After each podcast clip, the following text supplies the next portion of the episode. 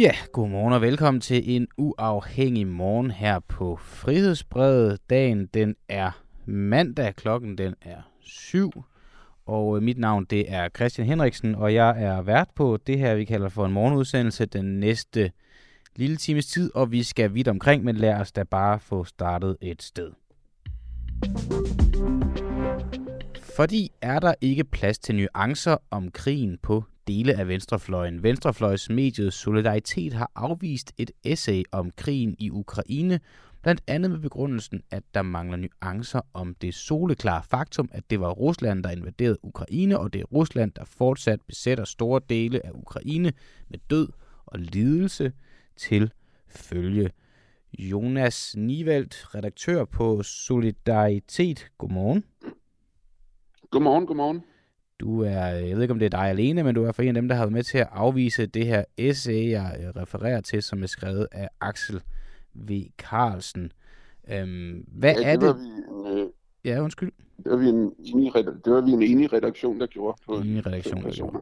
Alright. Øhm, I, øh, du har, det, jeg har jo så også selv indgivet, eller lavet et indlæg, der øh, i er øh, solidaritet, der ligesom forklarer, hvorfor det er, at de har valgt at afvise. Men jeg vil gerne alligevel lige høre dig her til at starte med. Hvad er det, der mangler at stå i den tekst, for at den kunne komme op på jeres side? Det, der mangler at stå, er ikke så meget noget, der mangler at stå, som at, øh, som at vi synes, det, har, at det her indlæg har nogle gode nuancer øh, og nogle gode historier, som man ikke øh, hører så tit om, øh, om den russisk talende befolkning i det østlige Ukraine. Det, der så til gengæld er, det er, at rigtig meget af indlægget øh, sætter Ruslands invasion i, i Ukraine i et øh, noget rosenrødt lys, synes vi nok. Øhm, og det, Mm. altså, at der bliver talt, der bliver talt et skønt, øh, hvad hedder det, et, øh, ja, altså Ruslands invasion bliver gjort for et skønmaleri, hedder det, øh, mm. bliver der lavet af invasionen. Og det vil simpelthen få, øh, få læserens fokus til at fjerne sig fra de her øh, fine nuancer, der også er i indlægget. Altså man vil, man vil ikke lægge mærke til de her gode nuancer, der er, fordi man vil fokusere på, at øh, resten af det er et skønmaleri af russernes invasion i Ukraine. Kan du prøve at komme med et eksempel på, hvor en af de her skønmalerier finder sted i teksten? Altså for eksempel så snakker eller skriver hedder det jo, øh, så skriver han om øh, byen øh, Mariupol nede ved Sortehavet i det østlige Ukraine, som øh, ifølge ham, øh, så sker der nu en rigtig flot genopbygning af byen, og øh, det på trods af, af, at der er ukrainske raketangreb øh, derover. Altså det kan godt være, at det, at det er rigtigt, øh, men øh, der er en grund til, at byen skal genopbygges, og det er, at russerne selv tæppebumpede byen, hvorefter de har besat den. Øh, det, øh, der var den her i begyndelsen af krigen, var der den her historie med et teater, hvor der, øh, hvor der var folk derinde, som blev jævnet med jorden med Mm. en masse civile inde. Øh, altså, Så der, der mangler han jo faktisk at han, skrive at- noget, lyder det til. Altså der, der lyder det til, at der alligevel det- mangler det, at stå, det, det, det, bomberne er- er, er, er placeret Det, det synes vi nok. Putin. I stedet for, så er der en rigtig øh, en, øh, en rørende historie om, hvordan russerne, på trods af, at øh, ukrainerne giver dem problemer, øh, genopbygger byen. Han skriver til med, at russerne overtog byen. Og det synes vi nok er øh, lidt af en eufemisme at sige, at man overtager en by, når man mm. gør det ved at tæppebombe den. Men det lyder alligevel til så, at der jo faktisk alligevel er noget, du synes, der mangler at stå, og det er en af grundene til, at, at, øh, at I ikke har bragt det. Øh, Du, du skriver Øh. også øh, i din begrundelse for afvisningen, at indlæg, der i praksis forsvarer Putins aggression mod Ukraine, vil blive afvist. Det er vores redaktionelle linje på det område, og vi i redaktionen mener, at Axel V. Carlsens tekst i praksis forsvarer Putins imperialistiske krig. Forsvarer Putins imperialistiske krig. Kan du komme med et eksempel på, hvor hen i teksten, at Axel V. Carlsen gør det? Altså, det synes vi, han gør ved, at russerne fremstår som befriere i Ukraine. Men. Øhm, jeg har ikke teksten foran mig lige nu. Nej, Altså, okay. det synes vi, at, øh, at, han, i, at han i praksis øh, det, det synes vi, at han i praksis gør ved, at han øh, beskriver øh, den øh, russisktalende øh, ukrainske befolknings øh, problemer inden krigen, og så, øh, og så øh, kommer russerne og overtager det og genopbygger landet. Øh, hvor han hvor der overhovedet ikke er noget fokus på resten af at på det faktum, at Rusland har invaderet et, øh, et uafhængigt land. Mm.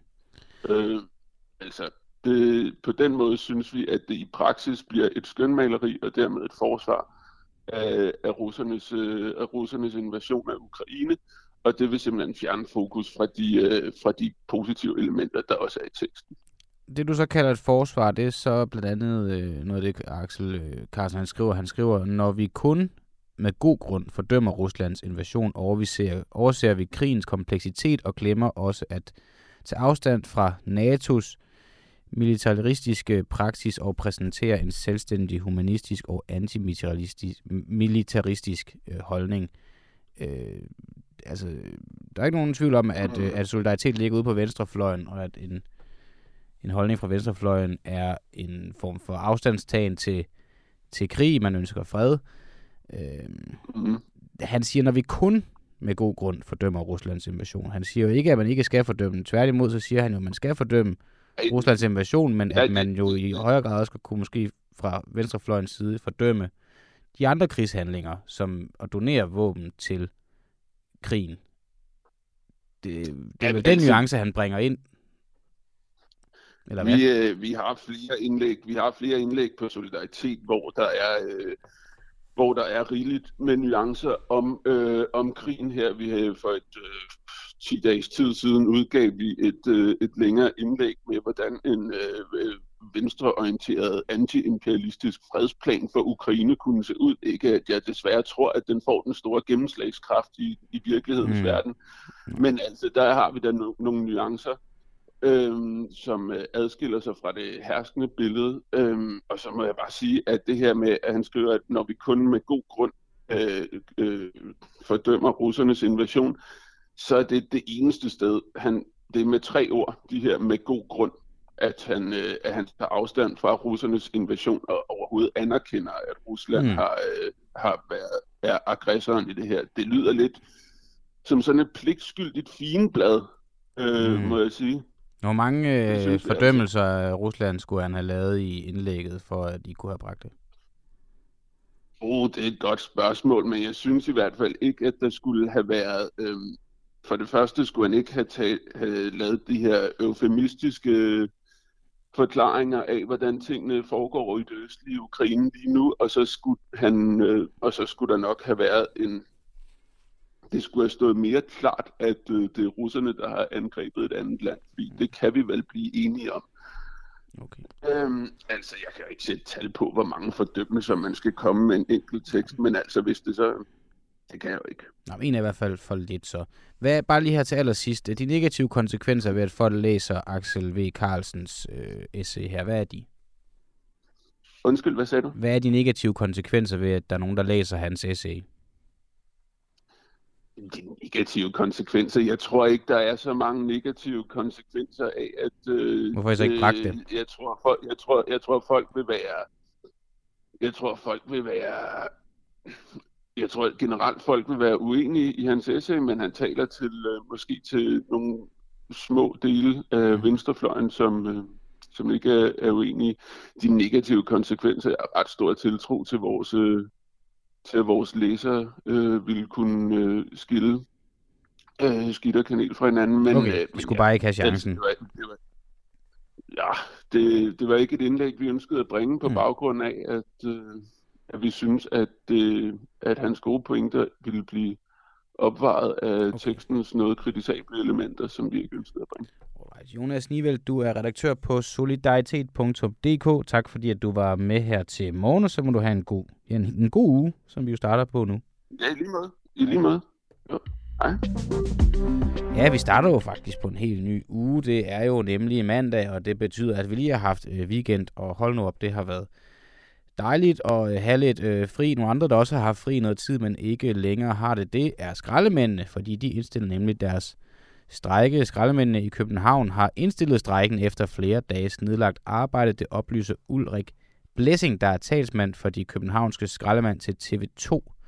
Omdrejningspunktet for strejken har været en konflikt mellem skraldemændene og Amager Ressourcecenter. Og øh, når vi lige er ved det, så kan jeg også bare lige fortælle, at årets første skovbrand, den har ramt Spanien. Årets, og det skriver Ritzau. Øh, naturbranden har havet over 4.000 hektar skov og tvunget 1.700 landsbyboere til at forlade deres hjem.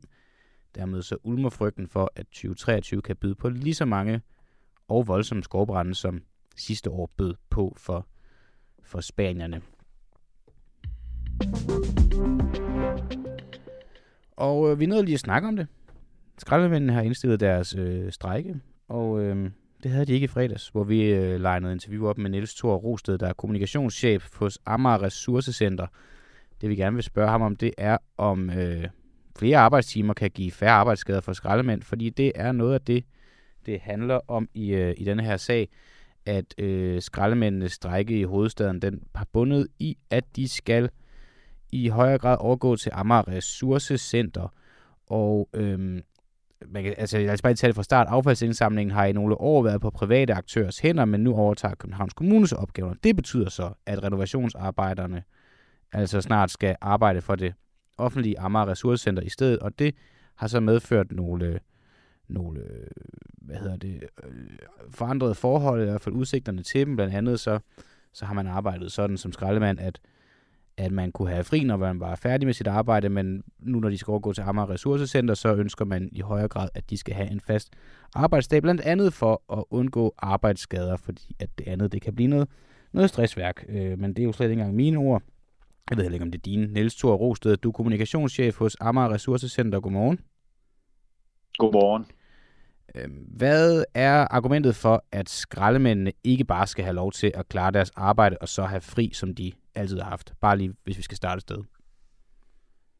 Jeg vil gerne starte lige et andet sted og sige, at jeg er jo rigtig glad for, at øh, arbejdet er blevet genoptaget her ja. til morgen efter en, øh, en uges øh, overenskomststridig arbejdsnedlæggelse. Vi har været rigtig ked af det på københavnernes vejen for øh, den situation, der er skabt i København, Dragør og Tornby. Så det er rigtig godt at se, at, øh, at man nu har taget handskerne på i, igen. Og vi beklager selvfølgelig for os fra vores side de problemer, det har, har skabt. Har det, og det kommer? Øh, til det. Har strækken været jeres skyld, det har, I beklager?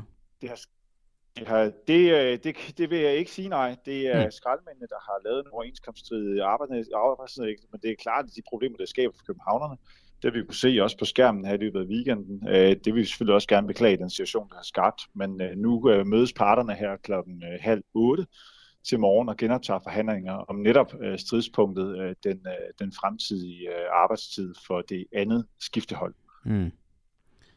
Men du skal vel ikke beklage noget, du ikke har, I ikke har skyld eller ansvar i? jeg tror, vi kan distinguere mellem, om man beklager eller man, øh, man undskylder. Øh, så ah, jeg tror godt, vi kan gå ud og beklage, at øh, der er opstået den her, øh, den her situation. Ja, okay. Alright. Nå, men det, det gode argument, vil jeg starte øh, ved den, så nu hvor vi, nu vi fik det andet her med. Det gode argument for, at skraldemændene ikke bare skal have lov til at klare deres arbejde og så have fri. Hvad, hvad er det? Et gode argument er, at øh, arbejdstilsynets øh, opgørelser over øh, det årlige antal øh, indberettede arbejdsulykker øh, viser, at øh, lige præcis affaldsindsamling er den branche med aller, allerflest arbejdsulykker. Øh, mm. Faktisk sker der fem gange så mange ulykker øh, end gennemsnittet for alle brancher. Og vi ved også fra andre undersøgelser og fra den praktiske hverdag, at et forceret arbejdstempo, hvor man løber rigtig stærkt, det er med til at føre til flere arbejdsskader. Så netop derfor har, øh, har vi et ønske om, at øh, når skraldmændene fremover skal arbejde for ARK, at vi lige får taget toppen af farten, så det ikke sker det her forserede arbejdstempo. Så vi netop kan nå til en situation, hvor man ikke øh, får lige så mange arbejdsulykker, og man kan holde til et helt arbejdsliv. Så det er det, der har været sådan, den afgørende prioritet i dialogen om, øh, hvornår det andet skiftehold skal møde ind øh, om formiddagen. Og det er jo så... Fordi skal de møde meget tidligt ind, så får det første skiftehold meget kort tid til rådighed til at lave dagens arbejde.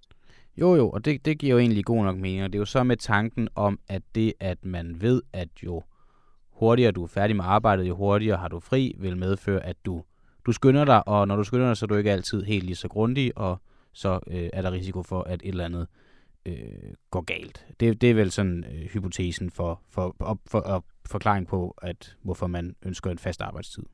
Bare lige for at opsummere. Det er jo nemlig det. Det er jo, det er jo ligesom du og jeg, hvis vi forestiller os, vi skal hurtigere ind og ud af en skraldebil og lave hurtigere vendinger, og måske også tage for mange store affaldsbeholdere frem og tilbage fra, fra gårdene, at så vil risikoen bare stige for, at vi øh, kommer til skade på den ene eller anden måde, om vi laver et vrid i knæet, eller om man øh, får overbelast i sin ryg, eller hvad man nu end gør. Mm. Og, men det har jo så ikke været, været modellen, de har arbejdet under indtil nu. Indtil nu har det jo så været på private aktørsender, hvor nogle andre øh, overenskomster har, har gjort sig gældende. Har de private aktører varetaget skraldemændenes ved og vel dårligt? Det vil jeg være helt op til de private aktører at tage stilling til. Nå, men nu når I vælger at gøre noget andet, at... så er det vel fordi, I tænker, at sådan som det er nu ikke er godt. Og hvis det er sådan som det er nu ikke er godt, ja. så er det vel fordi, det har været dårligt før.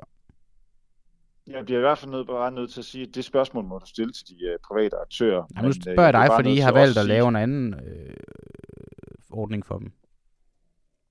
Når jeg kigger på øh, statistikkerne fra arbejdstilsynet, så taler de deres eget tydelige sprog, netop at der er fem gange så mange arbejdsulykker, som der er gennemsnitligt for alle brancher i, i Danmark. Mm. Og det har været vores klare vurdering, at øh, en af årsagerne til det er det her forserede arbejdstempo. Så netop derfor vil vi lige have sat farten en smule ned, når man udfører det her daglige og vigtige arbejde i hovedstadsområdet.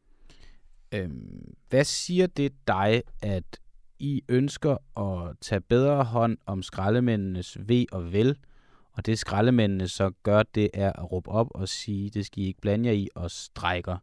Tager I så den hånd om deres ved og vel, som skraldemændene selv føler, der er behov for, eller ved I bedre end skraldemændene? Vi er jo i rigtig tæt dialog med, med skraldemændene om, hvordan arbejdet skal tilrettelægges, og skal jo netop også mødes her klokken halv otte til en dialog om, om der er noget, vi kan, kan tænke klogere i den her fremtidige mm. tilrettelæggelse af arbejdet. Men jeg må bare sige, at hensynet til, at de skal holde et helt arbejdsliv og passe på dem, det vejer altså tungt for os. Og det er den forandring, vi ønsker at skabe nu, når vi skal til at overgå til at arbejde for, mm. for det os. Det vejer hos, så tungere for jer, end det gør for dem. Altså det, det kommer unægteligt bare til at lyde som om, at I ved bedre end skraldemændene. Lidt, lidt ligesom når forældre fortæller deres børn, at det er så meget slik skal du ikke spise, fordi så bliver du øh, tyk, og det er usundt at være tyk. Det lyder som om, og, og børnene vil gerne spise slik alligevel, men det lyder som om, at I ved bedre end, end skraldemændene. Anerkender du, at I ved bedre end dem? Jeg anerkender, at statistikkerne viser, at der er en meget stor overrepræsentation af arbejdsulykker på det her øh, felt. Og det skal man have gjort noget ved. Nu kan da bare og sige ja eller nej til, om du anerkender, at I ved bedre end skraldemændene. Jeg vil ikke sige, at vi ved bedre, fordi skraldemænd er dem, der er eksperter på deres arbejdsliv, de render rundt på gader og stræder i det daglige arbejde. Mm. Men jeg bliver også bare nødt til at sige, at statistikkerne taler deres eget tydelige sprog, og der er en overrepræsentation af arbejdsulykker. Og der kan vi se også fra andre undersøgelser, at det er blandt andet til arbejdstempoet, som er med til at skabe de mange arbejdsulykker. Og det synes jeg, vi skal tage alvorligt også som samfund, når der er brancher med meget stor mængde arbejdsulykker. Helt sikkert. Det, og det, det er øh, skide godt, at man er, man er det ansvar bevidst, også som fra en arbejdsgivers side af. Jeg er nødt til bare at vende tilbage til det første spørgsmål, Niels. Øh, om det er, om I ved bedre, end, end skraldemændene gør. Fordi det virker jo unægteligt sådan nu, når I insisterer på en model, de har protesteret så hårdnakket imod, at de har valgt at strække. Det er jo en forandring i deres arbejdsliv, hvor, øh, hvor, man, hvor, man, øh, hvor man jo går over til nu, hvor man arbejder med en, øh, en, en fast tidsramme til rådighed, hvor man tager toppen af farten. Og det er klart, at alle forandringer kan jo være, øh, kan jo være svære at skulle mm. forholde sig til. Jeg vil bare sige, at på det lange løb, der bliver en forandring til det bedre. Fordi man af den vej kommer til at passe bedre på sig selv, og det ved I. arbejde. Og det må være en prioritet for os alle. Og skraldemændene frygter jo, at det her det ikke bliver til det bedre, men det ved I, at det gør det. Det har vi en klar forventning om, ja. Okay. Og vi kan jo se for undersøgelser, blandt andet også et projekt, der hedder Sunde Skraldemænd, mm. at det her forserede arbejdstempo, der blev peget på, at det er altså med til, at man, øh, man kommer for meget, for meget til skade. Okay. Niels uh, Thor Rosted, kommunikationschef hos Amager Ressourcecenter. Tak fordi, at du var med her til morgen, og så må du have en god dag. Velbekomme og lige måde. Tak. Ja, og nu skal vi snakke om noget helt andet, fordi vi skal nemlig tale om, hvorvidt det vil ødelægge værnepligtsuddannelsen og have kriminelle renderende på uddannelsen. Justitsminister Peter Hummelgaard, han foreslår i et interview sådan lidt, lidt kryptisk, at øh, øh, det er et interview med weekendavisen, weekendavisen, at dømte kriminelle kan aftjene værnepligt i stedet for korte fængselsstraffe. Torben Ørting, du er formand for Folk og Sikkerhed, en forening for forsvar og sikkerhed og beredskab. Godmorgen. Godmorgen. Tak fordi, at du kunne komme i studiet. Det er altid en fornøjelse at sætte, sætte menneske i øjnene, og ikke bare sidde og kigge ind i det der kamera der. Er dømte kriminelle ikke egnet til værnepligt? Jamen, jeg synes, at det er helt forkert at øh, koble værnepligt sammen som et alternativ til en fængselsstraf. Det er det helt grundlæggende, og, øh, og det er et helt galt signal at sende. Og man tror, at forsvaret kan løse nogle øh, samfundsmæssige problemer, som forsvaret hverken er indrettet eller gearet til, og som værnepligten i særdeleshed heller ikke er indrettet til. Mm. Det, det lyder til, at du tænker, at det vil være en dårlig deal for, for både de, de kriminelle, men også for, for, for selve værnepligtsuddannelsen. Hvad er det, du tror, at de kriminelle vil bidrage med af negative ting, som almindelige unge mennesker ikke gør? Jamen, hvorfor skal man øh, have en værnepligt som et alternativ til en fængselsstraf? Hvis du er straffet, og som jeg forstår for alvorlige voldsforbrydelser, så skal du da ikke komme ind og, og øh, aftjene din værnepligt og påvirke det miljø, som det indgår i. Det må jo stadigvæk være sådan, at man kan øh, aftjene sin værnepligt i tillid til, at man møder, møder no, normale og straffri mennesker, som man kan øh, løse de opgaver, man bliver pålagt med. Da vi, øh, vi, vi, det, vi sad og snakkede om det her i fredags, øh, i radioen mener også, vi fik det sagt, man får sådan lidt øh, noter af Wagner-gruppen i baghovedet, når man hører om den her model. Men Gør du også det? Nej, altså jeg, jeg, tror, jeg tror slet, slet ikke, at justitsministeren har været inde på, de, øh, øh, på den tænkning, men kendskærningen er jo, at den ligger snublende nærliggende i folkevidet, at man kan se, at man har Wagner-gruppen rende rundt, som rekrutteret øh, forfærdelige mennesker fra øh, fængsler og sendt dem ud i øh, slagmarken, hvor de så er blevet øh, sat ind i kødhakkeren og, og, og ekspederet. Det tror jeg ikke er det, som øh, justitsministeren har haft i tanken. Mm. Men jeg tror, at justitsministeren, ligesom mange andre minister, ser på forsvaret som et område, der tilføres ressourcer, og så vil man gøre det til noget, som det ikke er. En øh, afhjælpning af en lang række samfundsmæssige problemer, som bør håndteres inden for respektive ressort. Og hvis ministeren synes, at der er en gruppe unge mennesker, som skal have et alternativ til en fængselsstraf i forbindelse med voldsdomme, så må han jo angribe det problem inden for sine egne rækker. Mm. Men det nytter altså ikke noget at bilde sig selv ind, at, at, at forsvaret kan rette op på utilpassede unge mennesker øh, som et alternativ til et fængselsstraf. Det er nummer. Jeg tror også, der vil blive råbt højt, hvis nu han valgte at sende dem over på et humanistisk fag, for eksempel litteraturhistorie, valgte at sige, at øh, kriminelle, der har skal aftjene kort fængselsstraffe, de skal i stedet for at aftjene fængselsstraffen sidde og læse litteraturhistorie. Jeg tror, der er mange litteraturstuderende, der vil råbe op og sige, at det er lidt at skide på vores uddannelse, eller i hvert fald at sætte, altså det her, det kommer ikke til at gavne os i vores Nej. uddannelse. Kommer det til at gavne de værnepligtige, eller gør det det modsatte? Og hvad er det i så fald, det gør af modsatte konsekvenser? Jamen altså, jeg, kan jo ikke, øh, jeg, jeg ved jo ikke, hvad den konkrete udmyndning ville være, hvis øh, det her, øh, Gud forbyde det, blev en realitet. Men hvis man får en lille hård gruppe kriminelle ind i en øh, værnepligtsindkaldelse, så kan de jo påvirke, ligesom man kan se Loyal to Familias øh, påvirke øh, bylivet inde på Nørrebro og andre steder. Og det har man altså ikke noget ønske om. Og forsvaret er heller ikke gearet til det. Den militære straffelov er ikke gearet til det. De disciplinære foranstaltninger, man har, er ikke gearet til det.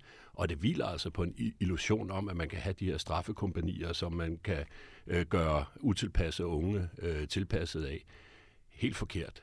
Altså, jeg, jeg, jeg forstår slet ikke tankegodset, der ligger bag. Jeg kan godt forstå, at der er et problem, fordi det kan sagtens være, at vi har skærpet vores straffelov så meget, fordi der har været politisk medvind på det, at vi får ramt nogle unge mennesker øh, med fængselsstraf, som øh, måske var på det gale sted på det gale tidspunkt. Øh, det forstår jeg godt. Mm. Men, øh, men øh, så må man adressere det problem. Men det skal ikke gøres ved at øh, gøre øh, værnepligt til et alternativ til fængselsstraf. Nej. Øhm, jeg tænker også, at en argument, der må være, at uddannelser ikke, eller værnepligtsuddannelsen, øh, ikke er en genopdragelseslejr. Det er i hvert fald noget, jeg har set øh, beskrevet af, af folk, der er imod det her.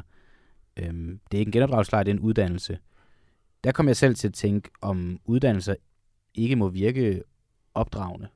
Jo, og, og, og, og, det, og det gør de da også. Altså en værnepligt er da en øh, bevidstgørelse øh, af de unge mennesker om, at de er en del af noget, der er større end dem selv de lærer teamwork og alt muligt andet. Jeg kan sagtens se, at der er en masse effekter i værnepligtsuddannelsen, som er positive og som stimulerer de ting, som man, når man bare kan gå på sit værelse og være sur, ikke møder i dagligdagen mm. derhjemme. Mm. Det kan jeg sagtens se. Men, men, men det i sig selv retfærdiggør jo ikke at bruge det over for straffede øh, personer som et alternativ. Det, det, det skal man jo netop hæve om det her miljø, sådan så man sørger for, at det ikke bliver kompromitteret af, at man tager nogle folk ind, som grundlæggende har begået straffe, der gør dem uegnet til øh, militærtjeneste, og hvor de jo med den øh, generalblad ikke ville kunne komme ind i forsvaret, hvis de havde søgt en, en, en en stilling i det.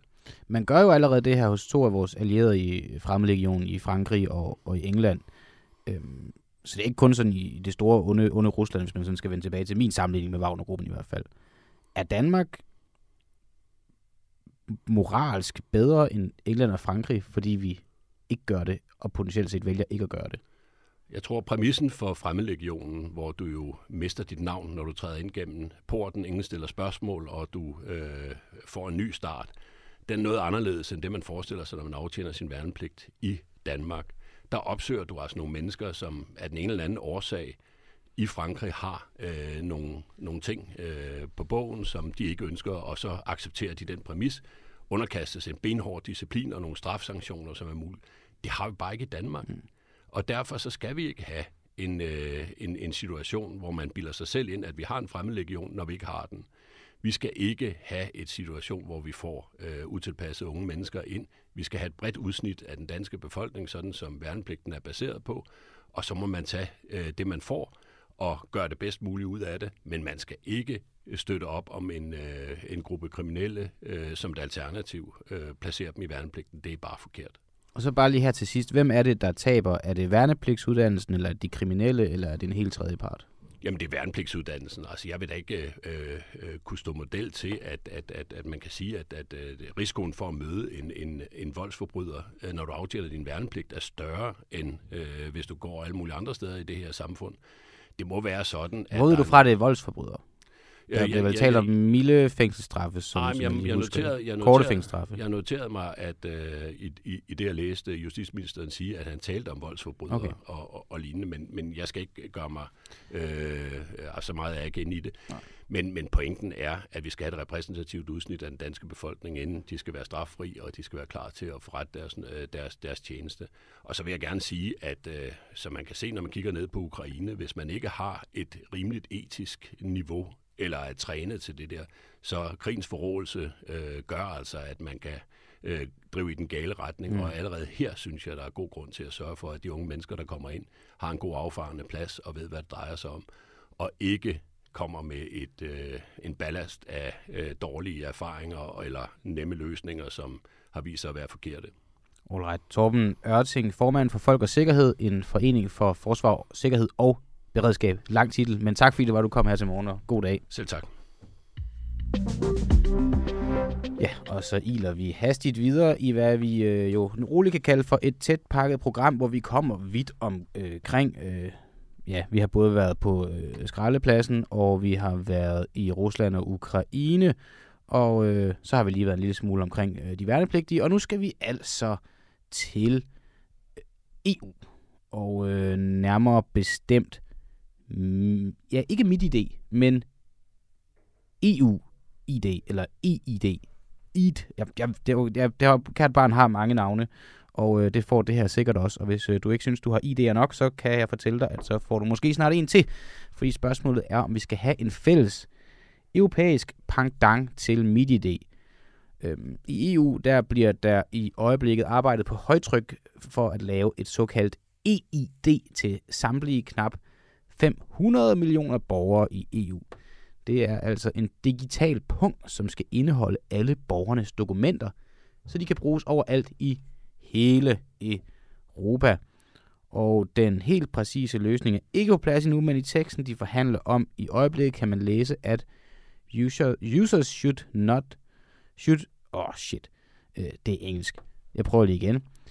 User, users, shit, users should be under no obligation to use the wallet to access private services. Altså, du, du, du, du er ikke et krav, at du skal bruge den her for at kunne tilgå noget som helst. Og så er spørgsmålet bare, om det nu også er helt rigtigt. Og øh, jeg ved ikke, om du kan svare på det, Anders Kjærulf. Øh, du er journalist og tech-kritiker, men godmorgen. Godmorgen. Ja, vi snakker om det her øh, nye øh, EU-ID. Lad mig bare starte med første spørgsmål. Der står specifikt om løsningen, at det skal være et tilbud. Hvad er der galt i at give folk et tilbud? Der er ikke noget galt i at give folk et tilbud. Problemet er, at det her det er en af den her slags tilbud, som man ikke kan sige nej til, fordi det handler om et af de mest kraftige, hvad skal man sige, identifikationsmodeller, man har, nemlig et ID'er, der udstedes af staten. Det bliver også en, et ID, som øh, man skal køre business igennem, altså både hvor man både skal identificere sig og kunne trække det her frem, men også noget, hvor man skal kunne køre forretninger igennem, og det bliver meget svært for forretninger, hvis man ønsker at eksistere inden for, for, for eurozonen, ikke at være med i det her. Så det bliver øh, mere eller mindre indirekte, i hvert fald med mindre man er meget, meget præcis i den mm. måde, man laver det på, så bliver det tvang. Og derfor så har vi et problem. Jeg også mener, det er det, der hedder, det er et privilegieblindt forslag, fordi det jo altså kræver, at samtlige dem, de borgere, der bor i EU, skal have en nyere smartphone. Altså vi kan jo sammenligne den her situation med den, vi havde med coronapas, øh, og med, hvad hedder det, den her smittestop-app, øh, som i øvrigt er den, der ligesom leder frem til det her i sidste instans, fordi det er udtænkt på samme tid, som man lavede den. Og der havde man jo også problem med, at det krævede bestemte telefoner, øh, nyere opdaterede telefoner, for at kunne bruge de her ting. Så vi skubber øh, simpelthen de her ting ind i noget andet. Øh, og det vil jeg mene, der, der er der ikke tale om et tilbud, der er tale om noget, det bliver svært at sige nej til. Der står i den forhandlingstekst, vi har fået indblik i, at users shouldn't be under no obligation to use the wallet to access private services – member states should not directly or indirectly limit access to public services or public funded services to natural or legal persons who decide not to use af øh, ja. det her EU-ID. Øh, ja. Hvis det er den tekst, der ender med at blive vedtaget, så er der vel ikke nogen problemer? Altså man kan jo sige, hvis der den samme, det samme gør sig gældende her i Danmark for, for MitID og NemID. Der står også, hvis man spørger Digitaliseringsstyrelsen, så siger de, at MitID er fuldkommen frivillig. Øh, mm. og, og det har de gjort i mange år, men det er vi jo alle sammen enige om, at det er det ikke. Altså, vi hænger på det for at kunne få lov til at deltage i samfundet i de her øh, sammenhænge. Ikke? Og det, der samtidig sker med de her ting her, det er jo, der, der sker jo et skred i den måde, vi, vi skal identificeres på i forhold til, til staten, og det vil sige i det her tilfælde i forhold til EU, en overnational myndighed, fra at vi før havde nogle identitetspapirer, som når vi viste dem frem, så tog vi dem tilbage igen. Så bliver de ikke liggende ude og flyde permanent. Det, der sker med de her elektroniske ID-ting, som vi har kørende, og i Danmark har vi jo allerede set en del af det, både med NemID til at identificeres med, men også med kørekort-appen og sund, hvad sygesikringsbevis-appen, hvor man ligesom samler alle de her ting ind i en telefon det er jo, at vi pludselig har nogle demser, som permanent kan identificeres, og hvor vi hele mm. tiden kan blive pinget, om man så må sige. Det er noget, der svarer til, at vi sådan permanent bliver stoppet af en politimand cirka en gang i timen, eller hver 10 minut, eller hver sekund, som hele tiden bare lige skal kigge på, om vi nu er den, vi er. Og der er en grund til, at vi ikke kan lide sådan noget der. Vi bryder os ikke om som mennesker at blive identificeret med. Vi kan ikke rigtig mærke det, når det foregår på, på en smartphone eller smart device. Så er vi pludselig ude i en anden situation, og så er det ikke længere et spørgsmål om, at vi, at vi ligesom bliver konfronteret med nogen, som vi ved, hvem vi er. Det foregår automatisk, men det er det samme, der sker, og det skal vi altså lige huske på. Men at man holder øje med folk, det er vel... Altså, øh, der er jo det argument, der hedder, hvis du ikke har noget at skjule, så har du heller ikke noget at frygte og at der bliver, du siger, man kan ikke lige blive konfronteret med at blive øh, holdt øje med, men det er jo så det, det lyder til, at man ikke i samme grad gør med sådan et, et system her på smartphones generelt. Det er vel godt nok, at det foregår lidt uden for vores, vores synsvide, eller hvad? Ja, nej, fordi vi bliver stadigvæk kontrolleret, det er nummer et. Altså vi, vi er stadigvæk vi er nødt til at huske, hvordan situationen, for eksempel her i Danmark og i, i England, har man for eksempel ikke nogen identitetskort overhovedet. Altså mm. du har ikke noget, du har et pas, du har, det har vi heller ikke i Danmark. Vi har et pas, vi har et sygesikringsbevis, vi har et øh, kørekort, ikke? vi har en, en øh, dobsattest. Nogle er altså stadigvæk vores rigtige dobsattest liggende derhjemme oh, ja. øh, på papir. Ikke? Det, det er alt sammen papirting, som vi har liggende på den her måde. Det er ikke noget, vi skal gå rundt med. Det er ikke mandatory, om man så må sige. Når man har ting, man hele tiden skal gå rundt med for at kunne identificere sig, det vil også i det her tilfælde handler det meget om at kunne identificere sig på nettet, øh, som vi jo på øh, stort set hele tiden alle sammen Øh, så, så vi, nærmer vi os, øh, hvad skal man sige, en krigstilstand. Altså det, øh, man normalt er udsat for, når man er besat, for eksempel når Danmark har været besat, så, så skulle folk have, gå rundt med identitet, identitetspapirer på sig, som de kunne vise frem hele tiden. I mm. England under hele 2. verdenskrig, der skulle englænderne også gå med, øh, med ID-kort, som de kunne vise frem øh, under krigen. Og det var noget, man efter krigen øh, med stor fornøjelse sagde, nu skal vi ikke det her mere, fordi vi er jo ikke i krig længere, så det er jo ikke, kan ikke være rimeligt, at vi skal rende rundt og vise, øh, vise frem, hvem vi er hele tiden. Der er en, et, et, hvad skal man sige, et ubehageligt forhold, der opstår imellem borgere og stat, når man hele tiden forlanger identifikation af borgerne. Det er en mistro, der ligger indbygget i det, det er, og det er en mulighed for kontrol, som er enormt farlig, hvis det er sådan, det går galt. Jeg er med på, at vi lever i en moderne tid, hvor man måske skal have noget mere ID ind på øh, smart devices af den ene og den anden slags, men det er meget, meget vigtigt, at det her det bliver lavet rigtigt, og det vil sige, det skal designes med privacy by design, og ikke bare som en overskrift, som et eller andet smart, vi, vi siger, fordi mm. det skal mm. være et eller andet, det skal vidderligt være sådan, at at data ligger hos borgerne, at det er mig, der kontrollerer, hvem der har adgang til dem, og jeg skal ikke kunne straffes, hvis jeg nægter at være med i det her show. Og jeg forestiller mig altså, at man kan meget nemt risikere at ryge ind i en fremtid, hvor det, at jeg insisterer på for eksempel at sige, at jeg vil ikke have det her EID, at det vil stille mig dårligere, altså det vil diskriminere mig i forhold til at kunne deltage i det almindelige liv, øh, at kunne købe ting på internettet, eller være med øh, på, på forskellige ting, eller krydse grænser, eller hvad det nu ellers kunne komme til at blive. Det er den ene side af det, og den anden side af det, det er, at når man først begynder at lave de her, altså en EU, øh, hvad hedder det, sådan en punkt, som det hedder, sådan en mm. wallet, der skal, en elektronisk, der skal ligge hos øh, centralt et eller andet sted, så er mulighederne for misbrug enormt store. Altså man skal virkelig have tungen lige i munden, medmindre man man ender med, at den her øh, wallet, den bliver en, den her chip i nakken, som man, man altid snakker om, altså hvor man hele tiden kan holde øje med borgeren non-stop 24-7. Hvad laver de? Hvem er de sammen med? Hvad for nogle sociale medier tilgår de? Øh, hvad har de købt? Øh, hvad er de medlemmer af? Øh, har, hvornår har de sidst meldt sig et eller andet sted? Overholder de de her de regler? Og så videre, så videre, så videre. Man kan blive ved med de her ting, og det kan udvides meget ubehageligt, og derfor så er det noget med, at den skal skabes meget præcist fra begyndelsen af, så det ikke senere kan blive til det andet her. Det håber jeg selvfølgelig, at det er det, der sker, fordi man virker rimelig bandsat nede i EU på, at det her det er noget, vi skal have. Men alle de her argumenter, og jeg tænker særligt på argumentet, hvor at du næsten får, får sammenlignet alle de her identifikationsportaler øh, og papirer med, med tilstande fra 2. verdenskrig. Det, det drejer sig jo om, at det er staten, der gerne vil kontrollere, og magthaverne, der gerne vil kontrollere borgerne. De vil jo også have et argument om, at det her det er ikke for vores skyld, det her det er for jeres skyld, det er for jeres sikkerhed, det er sådan, at det er sværere at tilgå jeres netbank og så videre. Argu, eller hvad hedder, ignorerer du helt det argument?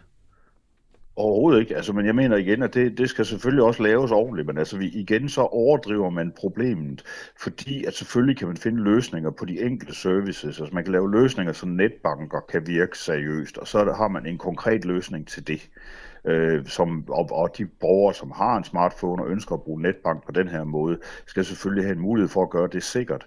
Men derfor behøver man jo ikke at have et centralt registreret, samlet europæisk ID mm. i de her sammenhænge. Man har gang, altså det her det er en gammel idé, den starter, altså det her med europæisk ID, det er noget, der, der begynder under covid. Okay. Man får ideen om, at man vil have, altså det er virkelig en form for EU-borgerskab, man, man langsomt er altså ligesom bagom er ved at indføre øh, sådan ind over, ind over systemet her. Og det, det er noget, som kommer til at betyde, at der er nogen, der ikke kommer til at være med også. Altså det vil sige alle de, for eksempel de nye migranter, og hvem der ellers er kommet op, og folk, der ikke har råd til smartphones, eller ikke kan opvære en dataplan, eller ikke har den nyeste model af de her ting, de får svært ved at deltage i de her ting. Mm. Og det, det er en reel risiko.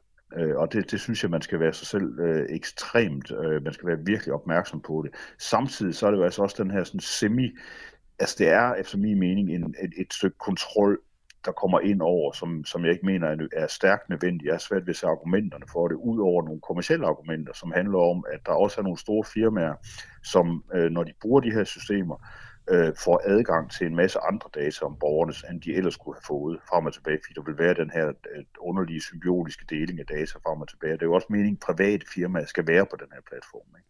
Det er jo ikke bare en statsting, det mm. er også noget med private firmaer samtidig. Så vi får en overvågningskapitalisme på den ene side, og vi får en, en risiko for mere statskontrol på den anden.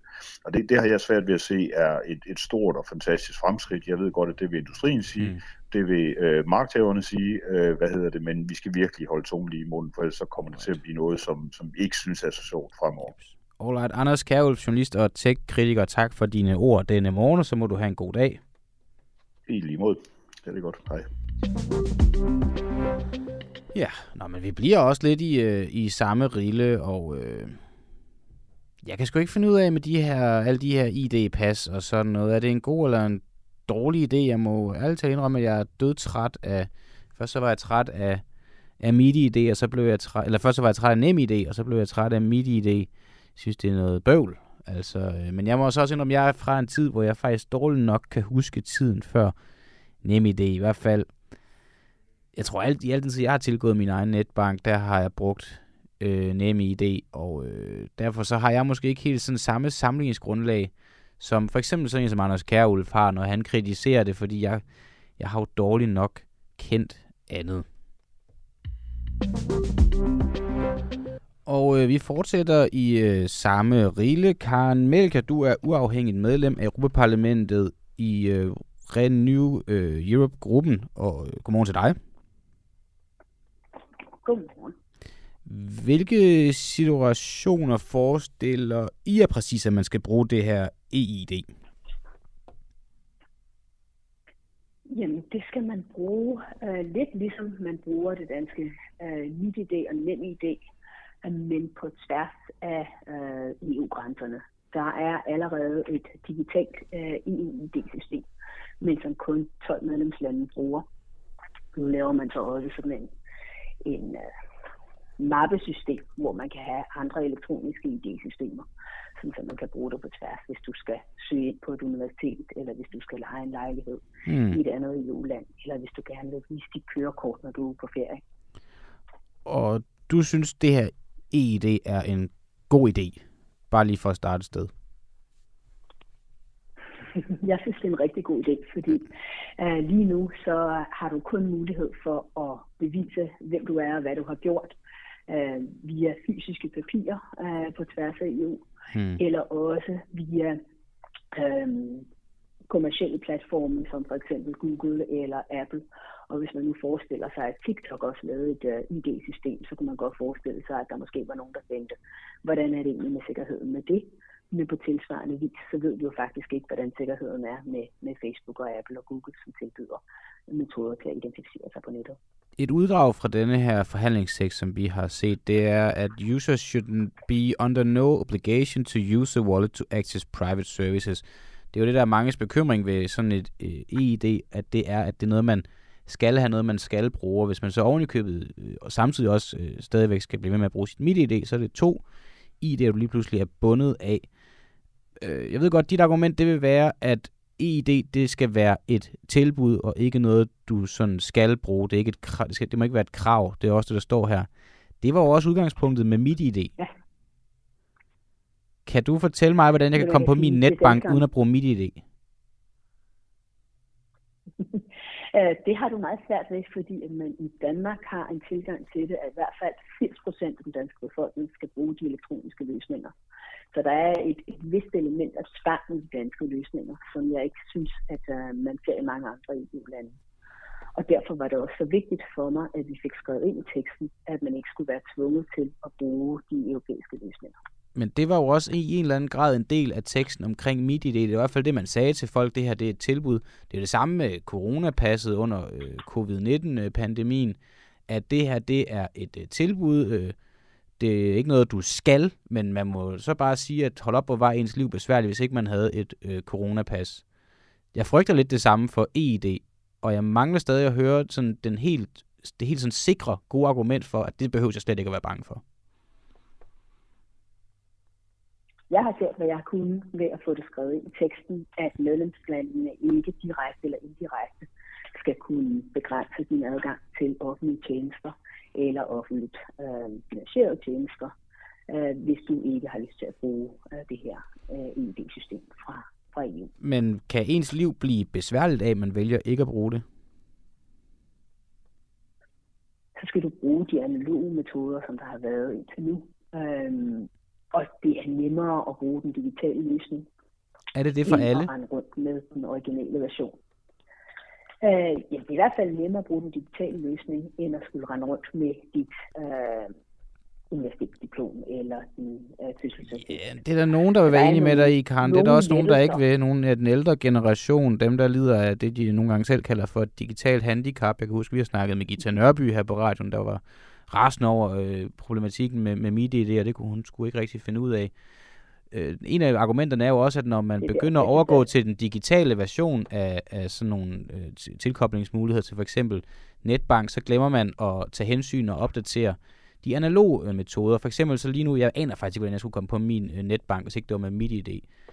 Jeg kunne godt frygte, det samme sker med EID, og jeg må bare indrømme igen, har jeg ikke hørt et argument, der er andet end, at du siger, at øh, du har gjort, hvad du kunne for at få det til at stå i den her tekst, at det ikke skal være et krav. Det var altså også udgangspunktet for MitID og coronapasset, hvis vi bare skal til den med. Så hvad er det, man gør anderledes her, som man ikke gjorde med MitID og med coronapas? Vi har lagt nogle europæiske rammer for, at du ikke skal kunne være tvunget til det. Så der stadigvæk er en fysisk mulighed, der stadigvæk er en analog mulighed, og så er der den digitale mulighed, som jeg, som måske er mere vant til det digitale, end Gita Nørby er, øh, synes vil være nemmere for mig. Øh, men der skal være de muligheder for folk til at kunne stole på systemer, til at kunne bruge systemer, og det er det, vi har fået arbejdet ind i det. Men det er jo bare stadig ikke, der er jo stadig lige nu har du ikke sagt andet, end der blev sagt omkring coronapas, og der blev sagt omkring MitID. Så jeg tænker, hvis I vil være helt sikre på, som jeg går ud fra, at, at du mener, at I vil, på at det her det ikke skal være noget, der skal gøre dit liv surt, så frem du ikke ønsker at bruge det. Hvad er det så for et øh, hensyn, I tager i den her situation, som ikke er blevet taget i de andre situationer? Meget af det kommer også an på, hvordan medlemslandene kommer til at implementere tingene mm. øh, ude i de enkelte EU-lande. Og derfor kommer meget af det også til at være afhængig af, hvordan man kommer til at implementere det i Danmark og i Spanien og i Rumænien. Og der skal man som nationalpolitiker også være vågen og holde øje med, hvordan er det, der kommer til at ske. På EU-niveau skal vi ikke øh, bestemme alt i detaljen ude nationalt. Selvom man en gang imellem føler det sådan, at, at EU og Europaparlamentet agerer, så overlader vi meget øh, til de nationale øh, myndigheder. Og derfor har vi heller ikke gået ind i detaljen øh, fra Europaparlamentets side. Nej, og det er jo bare her lige til sidst, det anden bekymring, jeg også godt kan have. Øh, vi har 450 millioner mennesker, der skal benytte os af det her. Du nævner også lige selv her, at øh, altså Danmark er et af de mest digitaliserede lande i, i verden. Vi skal nok godt kunne finde ud af det. I Tyskland, der bruger man stadig fax, og så er jeg ikke engang begyndt med, med Østeuropa endnu. Hvordan øh, vil I ligesom sørge for, at hele Europa er klar til det her fælles digitale ID? Vi har lavet nogle rammer for, hvordan man kan gøre det øh, på en fælles måde. Kan du komme med et eksempel på nogle af de rammer, I har lavet? Vi har sagt, at man skal kunne bruge forskellige operativsystemer. Øh, Du skal bruge open source. Der skal være mulighed for at tjekke øh, sikkerheden i de systemer, som bliver brugt, hvilket ikke er muligt i Danmark på samme niveau. Og så skal der også være mulighed for, at du er sikker på, at den, der certificerer øh, de øh, webcertifikater, at der er styr på, hvem det er, og der ikke er nationale myndigheder, som kommer til at ligesom være en man in the middle øh, og have min adgang. Alright. Øh, Karen øh, Melchior, tak fordi du var med her til morgen, og så må du have en øh, god dag. Tak for jeres interesse. I lige måde. Der fik jeg lige trykket på et par knapper samtidig, men det er sådan set ikke det store problem, fordi at vi er nemlig nået til vejs ende, og derfor så tror jeg nok, vi håndterer, at der lige var lidt lydmæssig forvirring. Øh, programmet i dag, det er sat sammen af Peter Svarts, han havde forresten fødselsdag i fredags, og øh, Magne Hans sad bag knapperne, og jeg hedder Christian Henriksen.